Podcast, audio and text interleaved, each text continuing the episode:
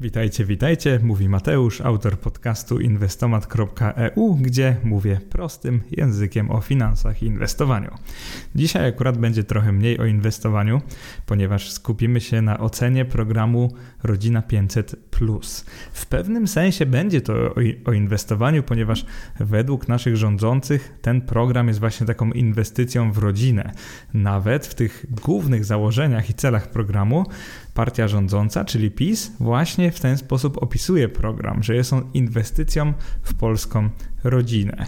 Natomiast sam podcast będzie jak najbardziej z kategorii gospodarka, także zapraszam do niego, zapraszam do wysłuchania go przede wszystkim te i tych z Was, których interesują właśnie tematy gospodarcze, spróbujemy tutaj ocenić program 500 Plus wobec kryteriów, do których był on stworzony, ponieważ uważam, że nie powinno się niczego oceniać w żadnych kryteriach obiektywnych, ponieważ wszystkie one są subiektywne. Więc sam podcast zaczniemy od tego, dlaczego wprowadzono program 500, czyli w jaki sposób był reklamowany na samym początku, czyli jeszcze przed rokiem 2016, bo właśnie w kwietniu 2016 roku rząd PiS wprowadził ten prorodzinny program. Natomiast pierwsze słuchy o nim gdzieś tam w kuluarach krążyły już w roku 2015 i wtedy program 500 sygnowany był, powiedzmy reklamowany był w ten sposób, że będzie to zmniejszenie obciążenia, finansowego rodzin związanego z wychowywaniem dzieci, a tym samym zachęcenie do podejmowania decyzji o posiadaniu większej liczby dzieci. I słowo klucz tutaj to jest większej, ponieważ w swojej początkowej formie to świadczenie otrzymywali rodzice za drugie i każde kolejne dziecko. I oczywiście na pierwsze dziecko też, ale przy spełnieniu takich dość niskich, rygorystycznych kryteriów dochodowych. Więc w szerokim tego słowa znaczeniu albo w szerokiej formie program ten na samym początku, czyli jeszcze 4 lata temu, dotyczył tylko rodzin powiedzmy wielodzietnych, tych, którzy mają, które mają przynajmniej dwoje dzieci. I teraz co ciekawe, jak wyglądała ocena tego programu po niedawnych kosmetycznych zmianach? Oczywiście zmiany świadczenia, bo ta z roku 2019 przed wyborami, czyli lipiec 2019, kiedy to PiS rozszerzył świadczenie również na pierwsze dzieci w każdej rodzinie, a tak naprawdę zlikwidował ten próg dochodowy, czyli już każde dziecko do 18 roku życia otrzymuje co miesiąc takie świadczenie od powiedzmy rządu. Tak naprawdę jest to zwrot podatku dla tych, którzy płacą podatki, ale to jest inna kwestia. Zacytuję taką ocenę, e, którą e, dokonało Ministerstwo Rodziny bodajże w zeszłym roku. Program Rodzina 500 Plus realizuje trzy podstawowe cele. Wpływa na wzrost liczby urodzeń, współczynnik dzietności wzrósł z 1,29 w 2015 roku do 1,45 w 2017 roku. Ogranicza ubóstwo, w szczególności wśród dzieci. I w tych samych latach, czyli 15-17, ubóstwo skrajne spadło z 6,5 do 4,3% oraz stanowi inwestycje w rodzinę. Jednak z tą oceną mam mały problem, ponieważ po pierwsze porównujemy tutaj liczby ze stycznia 2015 roku, podczas gdy program wszedł w życie dopiero ponad rok później, czyli w kwietniu 2016 roku. Nie mówiąc już o tym, że pierwsze jego efekty, zwłaszcza jeżeli chodzi o tą dzietność, prawdopodobnie mogliśmy zauważyć dopiero od stycznia 2017. Poruszę to jeszcze w podcaście, ale to, co mi się na samym początku bardzo nie podoba, to to, że politycy dobierają narrację do skutków, które da się pokazać na wykresach. Tylko problem jest taki, że nie patrzą oni na właściwy przedział czasowy i być może nie patrzą oni na właściwe kryteria. Więc to, czego dokonam w tym podcaście, podkreślam, jestem bezstronny, żebyście od razu wiedzieli. Ja akurat nie pobieram tego świadczenia, ale też nie należy do jakichś takich całkowitych przeciwników, zwłaszcza wsparcia rodzin. Uważam, że w jakiś sposób powinno się wesprzeć rodziny, choćby obniżeniem podatków, żeby nawet realnie zostało im jeszcze więcej pieniędzy w kieszeniach, ponieważ faktycznie mamy problem z dzietnością, ale o tym już zaraz. Właśnie zaczniemy od tej oceny wpływu programu 500 Plus na dzietność w Polsce, ale zanim ocenimy ten wpływ, myślę, że powinienem przedstawić Tobie problem z polską demografią. Czyli najpierw zarysujmy sobie trochę miejsce Polski na świecie. No przede wszystkim, jak myślisz, jak wiele osób na świecie, żyjących w tej chwili na świecie, to Polacy? No, odpowiedź brzmi: jest to niecałe pół procenta. Teraz, czy to jest dużo, czy mało, to jest inna kwestia, ale z prawie 8 miliardów mieszkańców naszej planety w roku 2020 było nas niecałe 38 milionów, czyli jak sobie szybko policzymy, właśnie ile to jest proporcjonalnie i stosunkowo, no to wyjdzie nam, że nie jest to tak wiele, to jest niecałe pół procenta. I teraz fajnie jest o tym mówić w perspektywie, ponieważ około 20 lat temu było nas prawie 39 milionów, a dokładniej 38,7 miliona. I wtedy też było na świecie znacznie mniej ludzi, bo około 6 miliardów. Więc to oznacza, że Polacy jeszcze nie tak dawno temu, bo 20 lat temu stanowili prawie 0,65% jej populacji, a teraz już niecałe 0,5%. 0,5, czyli po prostu 0,5% mam na myśli. Czy jest to dużo, czy mało, to jest inna kwestia, ale to, co chcę Wam powiedzieć, to to, że jeżeli państwo chce być silne politycznie, gospodarczo, to musi mieć pewną liczbę ludności. I podczas gdy liczba ludności to nie wszystko. I dobrym przykładem jest na przykład USA wobec Indii w tej chwili, ponieważ technologiczny know-how, zasoby, y, armia, po prostu e, produktywność ludzka jest mniej więcej równie ważna co sama liczba ludności. Natomiast fakty są takie, że no nie da się zbudować prawdziwej potęgi bez posiadania tej ludności. A teraz jak spojrzymy sobie na mapę świata, jeżeli chodzi o zaludnienie, no to w tej chwili już większość świata to stanowi Azja, jeżeli chodzi o ludność. Natomiast sama Afryka powoli stanowi no, dwukrotność, niedługo będzie trzykrotność Europy. E, prawda jest taka, że w takim kontekście globalnym jest nas coraz to mniej i zwłaszcza staje się to problemem, kiedy mamy właśnie tą malejącą dzietność. E, co to w ogóle jest dzietność? Myślę, że dość prosto da się to wyjaśnić. E, dzietność to jest nic innego jak liczba dzieci, które średnio przypadają, albo raczej mogą przypaść na jedną kobietę w wieku produkcyjnym. Wiek produkcyjny to jest akurat 15-49, jeżeli chodzi właśnie o tą, ten, to kryterium statystyczne. E, prostym językiem współczynnik dzietności mierzy potencjalny przyszły wzrost lub spadek populacji danego kraju. I historycznie Polska była bardzo dzietnym krajem, zresztą podobnie jak wszystkie inne kraje Europy. Natomiast w ostatnich latach, no, coś bardzo złego się dzieje. Często się mówi, że zwłaszcza kraje rozwinięte mają problem z dzietnością, czyli zwłaszcza w krajach rozwiniętych właśnie ubywa obywateli. Natomiast jeżeli chodzi o Polskę, to przede wszystkim ciężko ją nazwać krajem rozwiniętym, jeżeli nasze PKB na osobę, i mówię w ujęciu tym nominalnym, jest w tej chwili gdzieś tak minimalnie dwu, a czasami trzykrotnie niższe niż w całej większości Europy Zachodniej, więc absolutnie nie, nie podchodziłbym do Polski jako do kraju rozwiniętego, a przynajmniej nie obecnie w roku 2020. Ale wracamy do tematu. I teraz, tak jak Wam powiedziałem, w tej chwili stanowimy niecałe pół procenta całej populacji globu, czyli kuli ziemskiej. I teraz nie byłoby w tym nic strasznego, gdybyśmy dość dynamicznie się rozwijali, w sensie byłoby nas coraz więcej. Tymczasem jesteśmy jednym z nielicznych krajów, który już kilka lat temu, bo w roku 2015 miał negatywny przyrost naturalny. No negatywny procentowo przyrost naturalny to jest nic innego jak no, ujemna zmiana populacji kraju, po prostu spadek populacji kraju. I żeby dodać temu trochę kontekstu, to powiem Wam, że na całym świecie do takich krajów należała na przykład Japonia, Syria, Ukraina również, Rumunia, Hiszpania i Portugalia, ale też Polska. Natomiast nie było takich krajów wcale tak wiele, więc powinniśmy na pewno zauważyć, że mamy problem z tą dzietnością. I żebyście zrozumieli, jak duży problem, to może powiem o tym, ile w tej chwili jest mieszkańców Polski w jakim przedziale wiekowym. W tej chwili mamy taką sytuację, jeżeli spojrzymy na tak zwaną piramidę demograficzną Polski, to też czasami jest nazywane piramidą wieku Polski. W tym roku, czyli w 2020, y, mamy taką sytuację, że jest nas prawie 38 milionów i takie górki przypadają w tej chwili na dwa pokolenia. Ja to nazywam nasze pokolenie, czyli milenialsów. To są ludzie w wieku między 30 a 44 lata w tej chwili oraz pokolenie naszych rodziców, czyli pokolenie Y, jeżeli dobrze pamiętam. Y, I te dwa pokolenia mm, łącznie, jakbyśmy spojrzeli na całą piramidę, stanowią jakieś 65 albo 70% wszystkich mieszkańców Polski. I jest to niestety bardzo smutne, ponieważ y, moje pokolenie, pokolenie milenialsów, niestety nie spowodowało kolejnego takiego wyżu demograficznego, który nadchodzi. Y, co to znaczy prostym językiem? To znaczy mniej więcej tyle, że w tej chwili liczba dzieci w wieku od 0 do 10 lat, od 0 do 10 lat jest po prostu bardzo niska. To jest łącznie poniżej 10% populacji. I teraz co to znaczy dla nas w praktyce?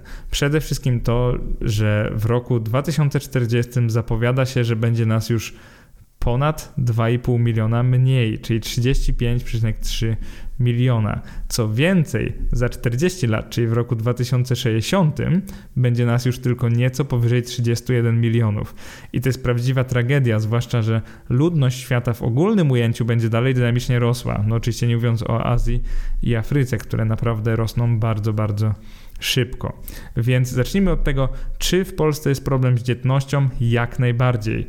Y, czy założenie programu 500, żeby zwiększyć dzietność, zatem jest prawidłowe? Jak najbardziej. Więc na razie oceniłem samo założenie. Teraz omówmy, w jaki sposób 500 się do niego dokłada lub nie.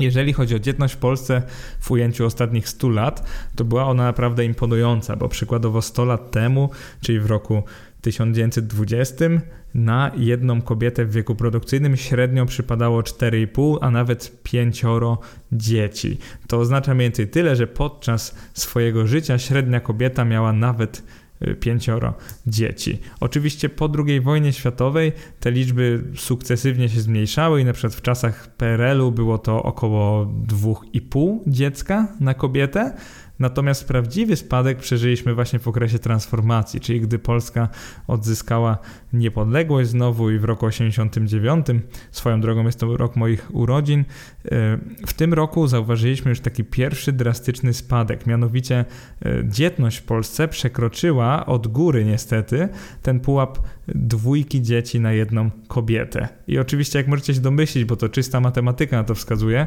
że właśnie dwa żywe urodzenia na kobiety to jest taki pułap, przy którym spada w długim terminie liczba mieszkańców kraju.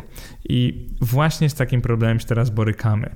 Jeżeli chodzi o lata, w którym wprowadzono 500, albo raczej w pierwszym swoim wariancie, to jest rok 2016, w którym dzietność wynosiła średnio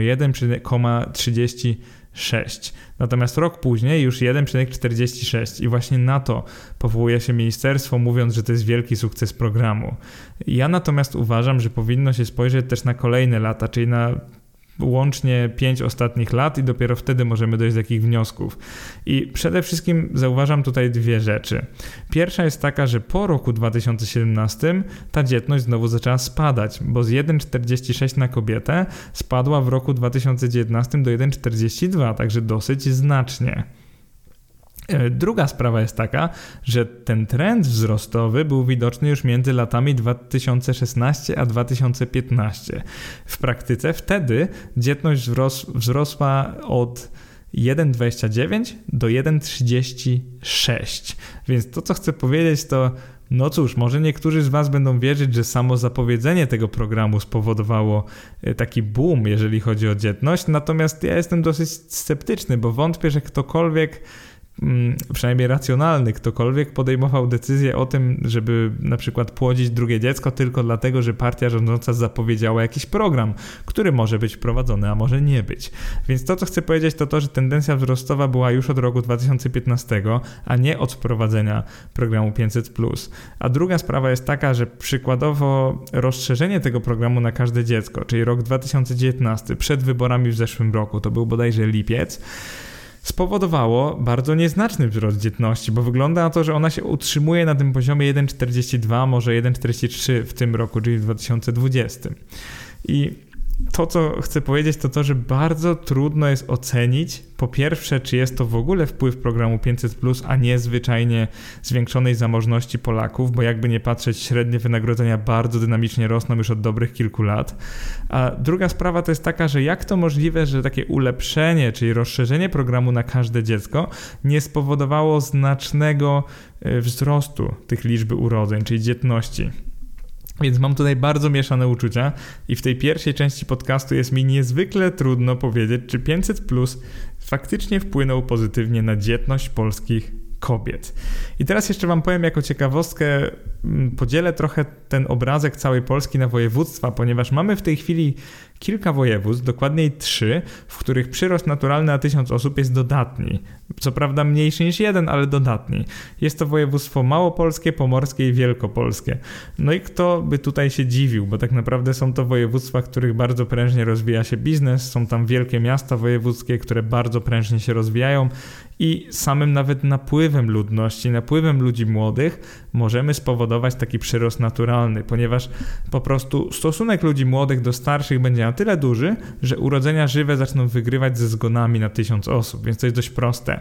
Natomiast co jest bardzo złego w tej statystyce, którą omawiam, jest to, że na województwa w Polsce 70% z nich ma negatywny przyrost naturalny, a takie jak śląskie, łódzkie czy świętokrzyskie mają ten przyrost na poziomie minus 3,5 osoby na 1000 osób rocznie, a nawet świętokrzyskie ma minus 4,5 osoby na tysiąc osób rocznie. I to jest naprawdę prawdziwa katastrofa. E, oczywiście tutaj w grę wchodzi migracja ludności z mniejszych do większych miast zazwyczaj, więc oczywiście to się da dość prosto wytłumaczyć. Natomiast nie zmienia to faktu, że średnio dla Polski mamy w tej chwili do czynienia z takim ubytkiem prawie dwóch osób na każde tysiąc w ciągu roku, także to jest naprawdę dużo. I jako ciekawostkę wam powiem, że są jeszcze w Polsce miasta i gminy, w których bardzo dobrze wygląda właśnie liczba urodzeń żywych na tysiąc osób, czyli ta dzietność. I należą do nich na przykład Siechnice, Leśnica czy Sierakowice. To są raczej małe miasta, od których pewnie moglibyśmy się uczyć, jak oni to robią, bo tą dzietność na tysiąc osób w ciągu roku mają na poziomie 20, plus, co jest naprawdę imponujące. O tym, jak imponujące to jest, powiem tylko w ten sposób, że gdyby cała Polska była jak na przykład Sierakowice, to w tej chwili nie mielibyśmy żadnego problemu demograficznego, bo rodziłoby się około 2,5, a nawet trójki dzieci na każdą kobietę w wieku produkcyjnym, czyli byśmy byli naprawdę prawie że rekordzistami w ujęciu europejskim. Z drugiej strony mamy też w Polsce miasta, w których rodzi się bardzo mało dzieci, na przykład Wąchock, Pacanów albo Sanniki. W tych miastach rodzi się około dwójki dzieci na tysiąc osób w każdym roku, albo nawet mniej, bo w Wąchocku to jest niecałe półtora dziecka na tysiąc osób. To są tak zwani negatywni rekordziści i prawdopodobnie ma to związek głównie z tym, że po prostu ludzie młodzi wynoszą się z takich miast, natomiast ludzie, ludzie starsi, wiadomo, no raczej nie płodzą dzieci, więc to jest dość oczywisty efekt tego, że jest tam coraz mniej ludzi młodszych. Jak widzicie na razie te efekty 500 plus ciężko jest ocenić, a dużo bardziej widać tu po prostu migrację ludności pomiędzy miastami i województwami. Ale spróbujmy jeszcze ocenić jedną rzecz, ponieważ jest taka rzecz, która pośrednio pokazuje może, jak bardzo ludzie chcą zakładać rodziny, i to jest y, współczynnik zawierania małżeństw, czyli po prostu liczba zawartych małżeństw i liczba rozwodów w ciągu roku. I to będzie bardzo ciekawe, bo zrobiłem taką małą statystykę, żeby sprawdzić, czy może wprowadzenie programu 500 wpłynęło jakoś pozytywnie na ten pierwszy krok, który się zazwyczaj robi. Choć wiadomo, że ten program, albo raczej wypłaty z niego nie są w ogóle uzależnione od tego, czy ktoś jest członkiem rodziny, czy nie, to to, co chcę powiedzieć, to to, że ludzie najczęściej zaczynają od małżeństwa, dopiero później decydują się na dzieci. Albo na przykład kobieta jest w ciąży i wtedy zawierają małżeństwo. Więc spójrzmy na statystykę małżeństw i rozwodów. W miastach wygląda to nie najlepiej. Właśnie między latami 2019 a 2018 nie dość, że małżeństw było coraz mniej, a dokładniej w ciągu roku było ich mniej o 5 tysięcy, czyli ze 115 tysięcy mieliśmy 110 tysięcy w roku 2019, więc no, jest to wyraźna tendencja spadkowa. Jeżeli chodzi o rozwody natomiast, no to jest ich coraz więcej. Tych z kolei było o ponad 1000, o 1,5 tysiąca więcej w ciągu roku, bo zamiast 45 tysięcy było ich ponad 46 tysięcy. I teraz zatrzymajmy się na chwilę. Powiedziałem, że małżeństw było 110 tysięcy, natomiast rozwodów 46. I tu mamy pierwszy problem, jaki w tej chwili przeżywają polskie rodziny. Jest ten odsetek rozwodów do małżeństw jest naprawdę ogromny, bo w miastach jest to prawie 2 do 1. I mam na myśli, na każde dwa małżeństwa mamy jeden rozwód, co jest naprawdę sprawą kolosalną. I żebyście zrozumieli, jak bardzo różni się to od statystyki sprzed na przykład jeszcze 40 lat, czyli z czasów PRL-u, rok 1980 Mm, mamy tutaj sytuację, gdzie małżeństw zawiera się w ciągu roku prawie dwukrotnie więcej niż teraz, natomiast rozwodów jest prawie o połowę mniej niż teraz. W praktyce oznacza to, że wtedy rozwody to było około 15% małżeństw. W tej chwili to jest około 45% małżeństw. Tak, żebyście mieli pewien kontekst. Co gorsza, wcale nie jest lepiej, jeżeli chodzi o wieś. Na wsiach również obserwujemy spadek liczby zawieranych małżeństw, a także wzrost e, liczby rozwodów. Więc jakby nie patrzeć, mamy w Polsce raczej problem, mm, powiedziałbym, takiego podłoża tak z pogranicza tradycji, a stabilności rodzin. A oczywiście niestabilne rodziny, ten brak stałości na pewno nie sprzyja liczbie dzieci, które rodzą się w takich domostwach. To jest dość oczywiste, co teraz powiedziałem, natomiast warto jest mieć w głowie, zwłaszcza w poszukiwaniu odpowiedzi na pytanie, dlaczego ta dzietność tak spada, myślę, że jednym właśnie z takich dobrych, z takich e, realnych powodów będzie to, że po prostu stajemy się coraz bardziej liberalni, a coraz mniej tradycyjni, a takie rodziny zwykle rozpadają się po prostu o wiele szybciej i o wiele łatwiej niż rodziny tradycyjne. Teraz tak, omówmy sobie drugie kryterium, chyba najważniejsze, czyli wpływ 500 plus na zamożność rodzin. I podkreślam drugie najważniejsze, bo też Ministerstwo Rodziny sygnowało właśnie tym kryterium ten program. Zaczniemy od oceny zasięgu ubóstwa w Polsce. I odniosę się tutaj do tego cytatu z początku wpisu, że rzekomo 500 plus obniżyło ubóstwo skrajne przez kilka lat z poziomu 7,4 do 4,3%. Ale zaczniemy od tego, co to w ogóle jest ubóstwo skrajne, ponieważ wyróżniamy trzy pułapy ubóstwa. Może zacznę od tego najwyższego, czyli ubóstwo relatywne. Ubóstwo relatywne to jest nic innego jak kwota równa 50% średnich miesięcznych wydatków gospodarstwa domowego w danym kraju. Czyli nie znaczy to z automatu, że rodzina jest bardzo biedna, po prostu oznacza to, że jej wydatki są o wiele niższe od średnich i nic więcej. Ubóstwo ustawowe natomiast jest to kwota kwota taka uznaniowa, która jest po prostu w ustawie, poniżej której rodzina otrzymuje już pomoc społeczną, czyli nie mówię tutaj o 500, plus, tylko inne świadczenia pieniężne. Więc taka rodzina jest na tak zwanym socjalu i składają się na nią inni, którzy zazwyczaj pracują. Ubóstwo skrajne jest też zwane minimum egzystencji i właśnie tym wskaźnikiem, a raczej jego spadkiem chwali się Ministerstwo Rodziny. Ubóstwo skrajne to jest po prostu wartość koszyka dóbr niezbędnych do podtrzymania funkcji życiowych człowieka i sprawności psychofizycznej. E, mówiąc prostym językiem, to jest takie absolutne minimum, którego potrzebuje człowiek w Polsce, żeby przeżyć na skrajnie słabym, skrajnie niskim poziomie. I żebyście zrozumieli, co to jest, to jest na przykład w tej chwili około 600 zł na osobę w ciągu miesiąca i tutaj uwzględniać też mieszkanie. Także jeżeli ktoś wie dokładnie, jak płacić tak mało za mieszkanie i jeszcze mieć na życie, to może mi dać znać. Natomiast to, to z definicji w tym roku jest ubóstwo skrajne. I teraz partia rządząca chwali się, że właśnie program 500 Plus spowodował, że takie ubóstwo skrajne spadło z poziomu 7,4% do około 4,3%. Mam na myśli wszystkich polskich gospodarstw domowych.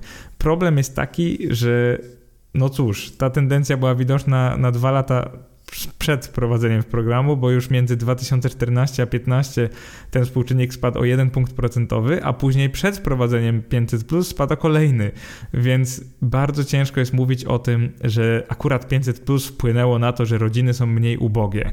Co więcej, chciałbym dodać, że ten wskaźnik między rokiem 2018 a 2017 wzrósł o ponad punkt procentowy 4,3 do 5,4.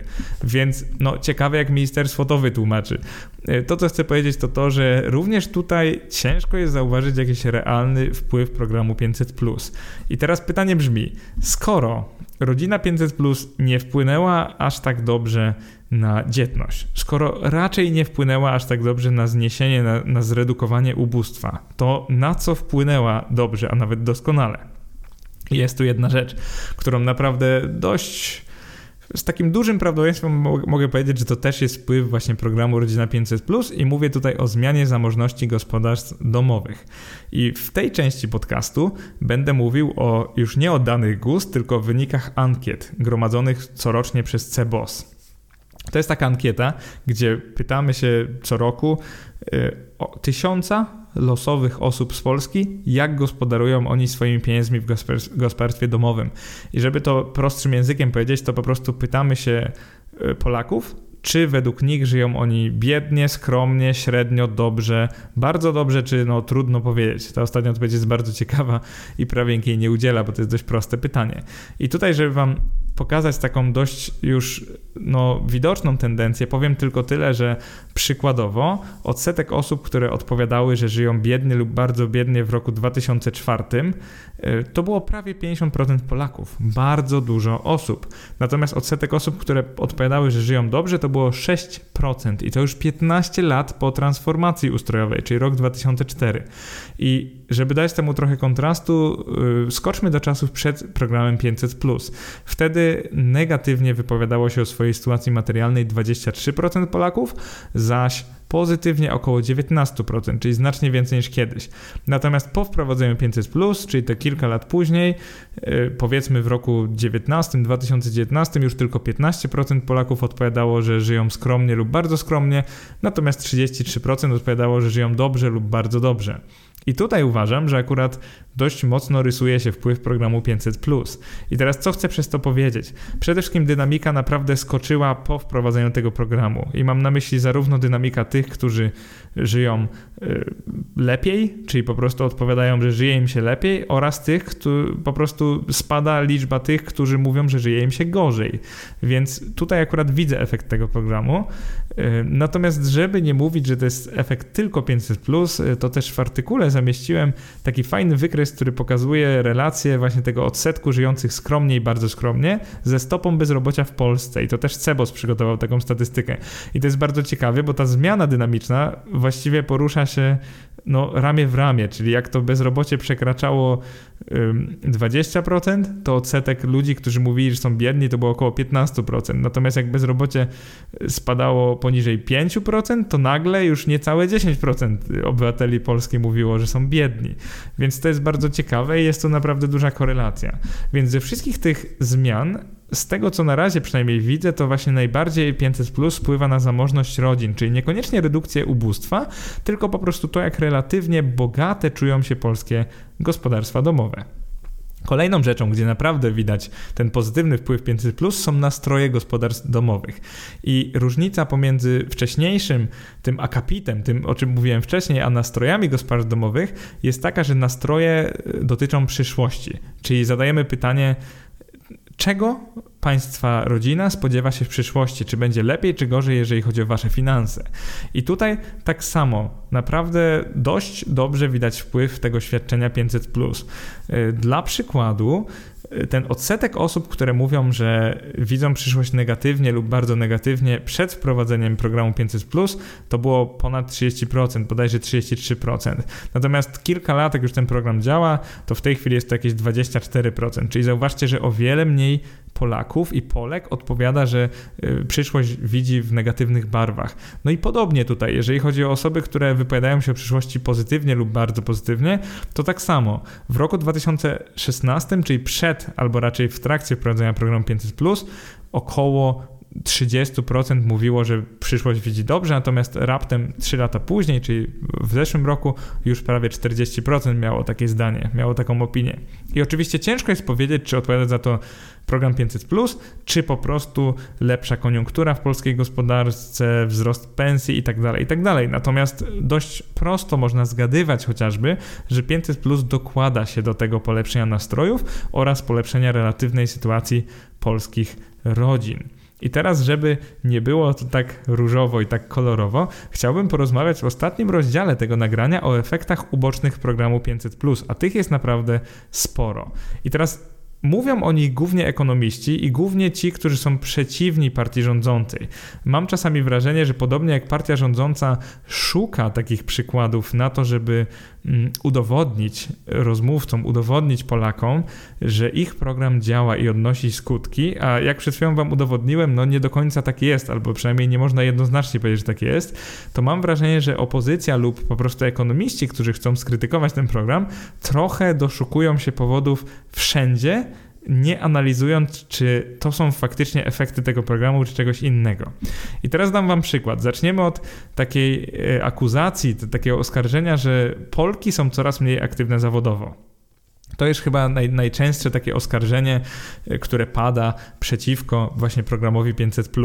I tu jest dość ciekawie, ponieważ gdyby faktycznie program 500 e, tak zmniejszał aktywizację zawodową Polek, to myślę, że byśmy widzieli bardzo dużą negatywną dynamikę wśród zatrudnienia naszych rodaczek. No i jak to wygląda w praktyce? Przede wszystkim w tych latach, kiedy 500 Plus było wprowadzone, czyli między 2020 a 2016, cztery ostatnie lata, ten spadek zatrudnienia Polek, albo raczej aktywizacji zawodowej Polek wynosi niecały 1%. I żebyście mieli tu liczby, to po prostu liczba zatrudnionych Polek zmniejszyła się z 7,3 milionów do 7,2 miliona.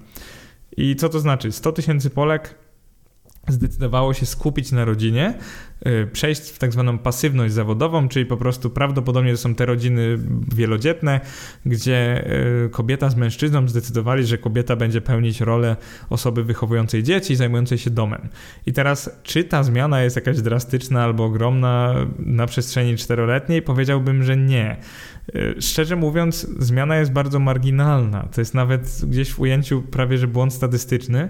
I dodam do tego, że większość tej zmiany wykonałaś dopiero w drugim kwartale obecnego roku. Czyli może to być równie dobrze wpływ koronawirusa na aktywność zawodową Polek i Polaków zresztą, a nie wpływ programu 500. Więc akurat ten argument bym odrzucił od razu, bo nie wygląda na to, że program 500 jakoś masywnie, masowo e, zmniejszył aktywność zawodową Polek.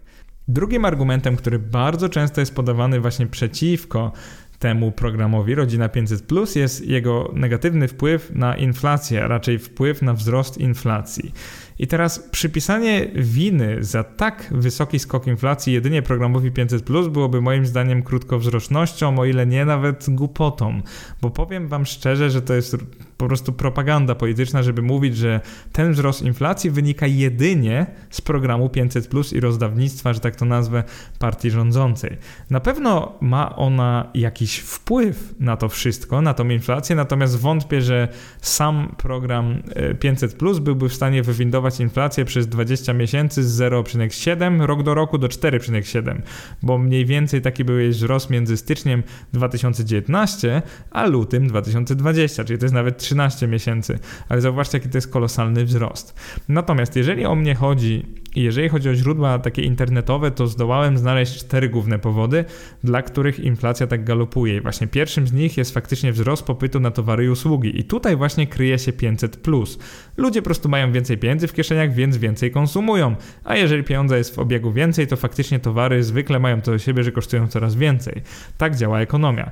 Natomiast to nie jest wszystko, bo nawet przeglądając koszyk inflacyjny widzimy, że produkty właśnie takie żywnościowe, odzież i tak dalej, to jest tylko jego mała no może duża, ale to jest tylko część.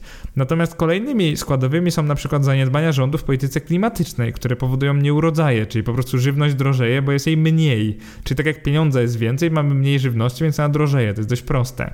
Kolejna sprawa to są te słynne unijne kary, te takie certyfikaty za emisję dwutlenku węgla, które powodują wzrost cen usług transportowych oraz cen prądu.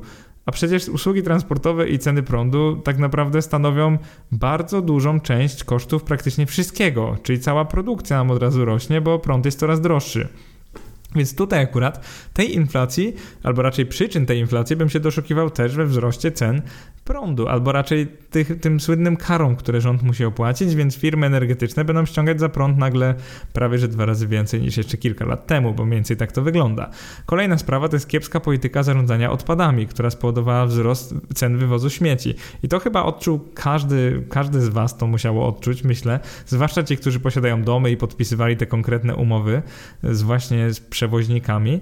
E, to, co chcę powiedzieć, to to, że no, scentralizowaliśmy tą politykę, ale w taki sposób, sposób, że wszystko stało się no, droższe dla każdej gminy e, i tym samym dla jej obywateli. Więc no, niezależnie już, czy samo 500 plus wywindowało inflację, czy nie, bo moim zdaniem nie. 500 plus po prostu się dokłada do inflacji, no to fakt jest taki, że ta oryginalna 500 z roku 2019 niedługo będzie warta 400 zł, tych starych złotych. Więc no cóż, inflacja na pewno nie pomaga beneficjentom tego programu. I teraz wielu komentatorów mówiło o tym, że 500 plus wpływa pozytywnie na zróżnicowanie społeczne, czyli w zasadzie redukując je. E, zróżnicowanie społeczne, jeżeli o nim nie słyszałaś, nie słyszałeś, to mierzymy współczynnikiem Giniego tak zwanym i ten współczynnik mieści się w przedziale od 0 do 1, gdzie 0 oznacza tak zwany komunizm idealny, czyli 0 to jest gdy każdy obywatel zarabia tyle samo, natomiast 1 to jest jak odchylenie standardowe jest po prostu ogromne, że każdy zarabia tak różne kwoty od siebie, że wtedy ten współczynnik wynosi 1, czyli po prostu 100%. I teraz współczynnik Giniego dla Polski według niektórych obniżył się przez program 500+, natomiast to co ja widzę, przeglądając statystykę, to to, że faktycznie między rokiem 2016 a 2017 się lekko obniżył, bo dla całej Polski spadł on wtedy z takiego poziomu 30,5% do 29,8%, czyli nieznacznie. Natomiast to, co obserwujemy w ostatnich dwóch latach, to jest wzrost tego współczynnika. E, kolejna sprawa jest taka, że współczynnik Giniego bardzo drastycznie spadał, ale w latach 2013-2016. Czyli te różnice między bogatymi a biednymi zacierały się dynamicznie, ale w latach przed wprowadzeniem tego programu, a nie po jego wprowadzeniu, a to jest diametralna różnica. Także jeżeli chodzi o ten argument, że 500 plus nie wpłynęło pozytywnie na zróżnicowanie społeczne, to jestem jak najbardziej za, bo dane świadczą faktycznie o tym, że praktycznie nie wpłynęło to na współczynnik Giniego, czyli tego nie zmniejszyło jakby rozwarstwienia społecznego. I no, takim ostatnim argumentem przeciwko programowi 500, albo raczej efektem ubocznym jest oczywiście to, ile pieniędzy z budżetu państwa na niego idzie.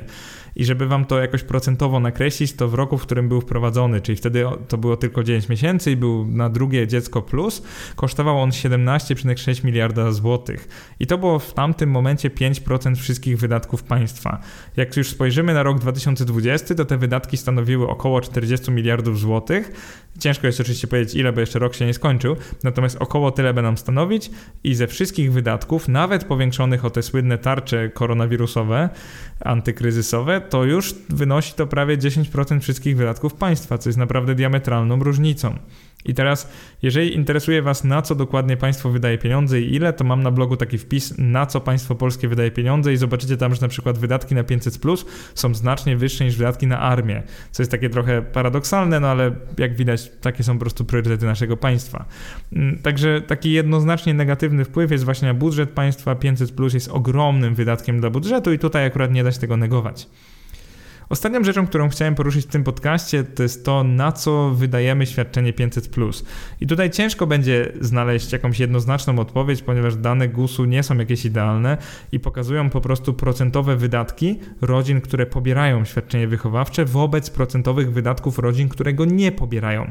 Czyli nie jest to dokładnie taki jeden do jednego pokazane, na co idzie 500, tylko widać tu po prostu, na co takie rodziny wydają więcej niż te drugie. I chyba największą różnicą są kategorie odzież i obuwie oraz rekreacja i kultura, bo tutaj beneficjenci programu 500 Plus wydają więcej pieniędzy i to tak dość znacznie więcej, bo tak procentowo około 20% więcej. E, oczywiście w punktach procentowych całego budżetu to jest jakieś 2 punkty procentowe więcej tam i tam na te dziedziny, czyli oznacza to po prostu, że e, kupują odzież i obuwie dla dzieci najprawdopodobniej i na rekreację również z dziećmi, różne zajęcia, sporty i tak dalej wydają więcej pieniędzy, co jest przecież całkiem ok. Więc tak naprawdę bardzo trudno jest udowodnić, że pieniądze z programu 500 Plus są, że tak powiem, niewłaściwie użytkowane. Zresztą, kim jestem, żeby zaglądać ludziom do portfeli, bo jak wiecie, jestem, no, można nazwać mnie wolnościowcem, jeżeli chodzi o światopogląd. E, o finanse i chyba jeszcze bardziej jestem wolnościowcem, więc ostatnim, co bym chciał robić, to jest zastanawianie się, na co ludzie wydają te pieniądze. Na sam koniec chciałbym ocenić ten program, patrząc na lata 2013-16, a 2016-19. I teraz, jak łatwo można rozmontować taką machinę propagandową? Zauważcie, że przed wprowadzeniem 500 dzietność w Polsce wzrosła o 8%, bo z 1,26 do 1,36. Natomiast po jego wprowadzeniu wzrosła tylko 4%, bo z 1,36 do 1,42. Więc to jest pierwszy argument przeciwko. Ubóstwo. Przed wprowadzeniem programu w 3 lata spadło ono o 34%, ponieważ poziom ubóstwa z 7,4% spadł do niecałych 5%, czyli 2,5 punktu procentowego, co daje 8%, yy, przepraszam, 34% zmiany. Natomiast jeżeli chodzi o czasy po 500+, no to mamy spadek o 14%, bo 4,9% w 2016 do 4,2% w 2019. Czyli tutaj, tak jak Wam mówiłem już wcześniej, 500 plus po prostu nie sprawdziło się, jeżeli chodzi o dzietność, Polek oraz poziom ubóstwa. Tam, gdzie natomiast 500 plus się dobrze sprawdziło, to jest ten relatywny poziom zamożności polskich rodzin oraz nastroje w gospodarstwach domowych, które są zdecydowanie lepsze dzięki temu datkowi od państwa. Więc tak suma summarum, nie jest to zupełnie zły program, jest on w bardzo szczytnym celu stworzony, natomiast jego wykonanie nie do końca y, stanowi taką odpowiedź na te cele, które były mu przedstawione lata temu. I tym chciałbym zakończyć ten podcast. Bardzo dziękuję, że wysłuchaliście do końca. I co, jeżeli doceniacie moją robotę, to serdecznie zapraszam do polubienia mojej strony na Facebooku, followowania mnie na Twitterze oraz do dołączenia do grupy Inwestomat. Ta grupa jest akurat o inwestowaniu, a nie o gospodarce, ale każdy, kogo interesują finanse, ogólnie powinien do niej dołączyć. Nazywa się Inwestomat. Oszczędzanie, inwestowanie, wolność finansowa. Oczywiście nazwa może ulec zmianie, natomiast link niezmiennie znajdziecie na moim blogu oraz na mojej stronie na Facebooku. Także jeżeli interesują Was również tematy gospodarcze, a czasami o nich nagrywam i też opisuję na, na blogu, to serdecznie zapraszam do takiego obserwowania mnie. Tak jak mówiłem, 500 plus nie jest tematem prostym, zwłaszcza do oceny takiej obiektywnej, natomiast tak dość łatwo można ocenić, że nie wpłynął on dobrze na dzietność oraz na wskaźnik ubóstwa, natomiast podniósł on po prostu morale i budżety polskich gospodarstw domowych. I to by więcej było na tyle. Bardzo Wam dziękuję raz jeszcze i do następnego podcastu, który nagram być może w innej kategorii. Cześć!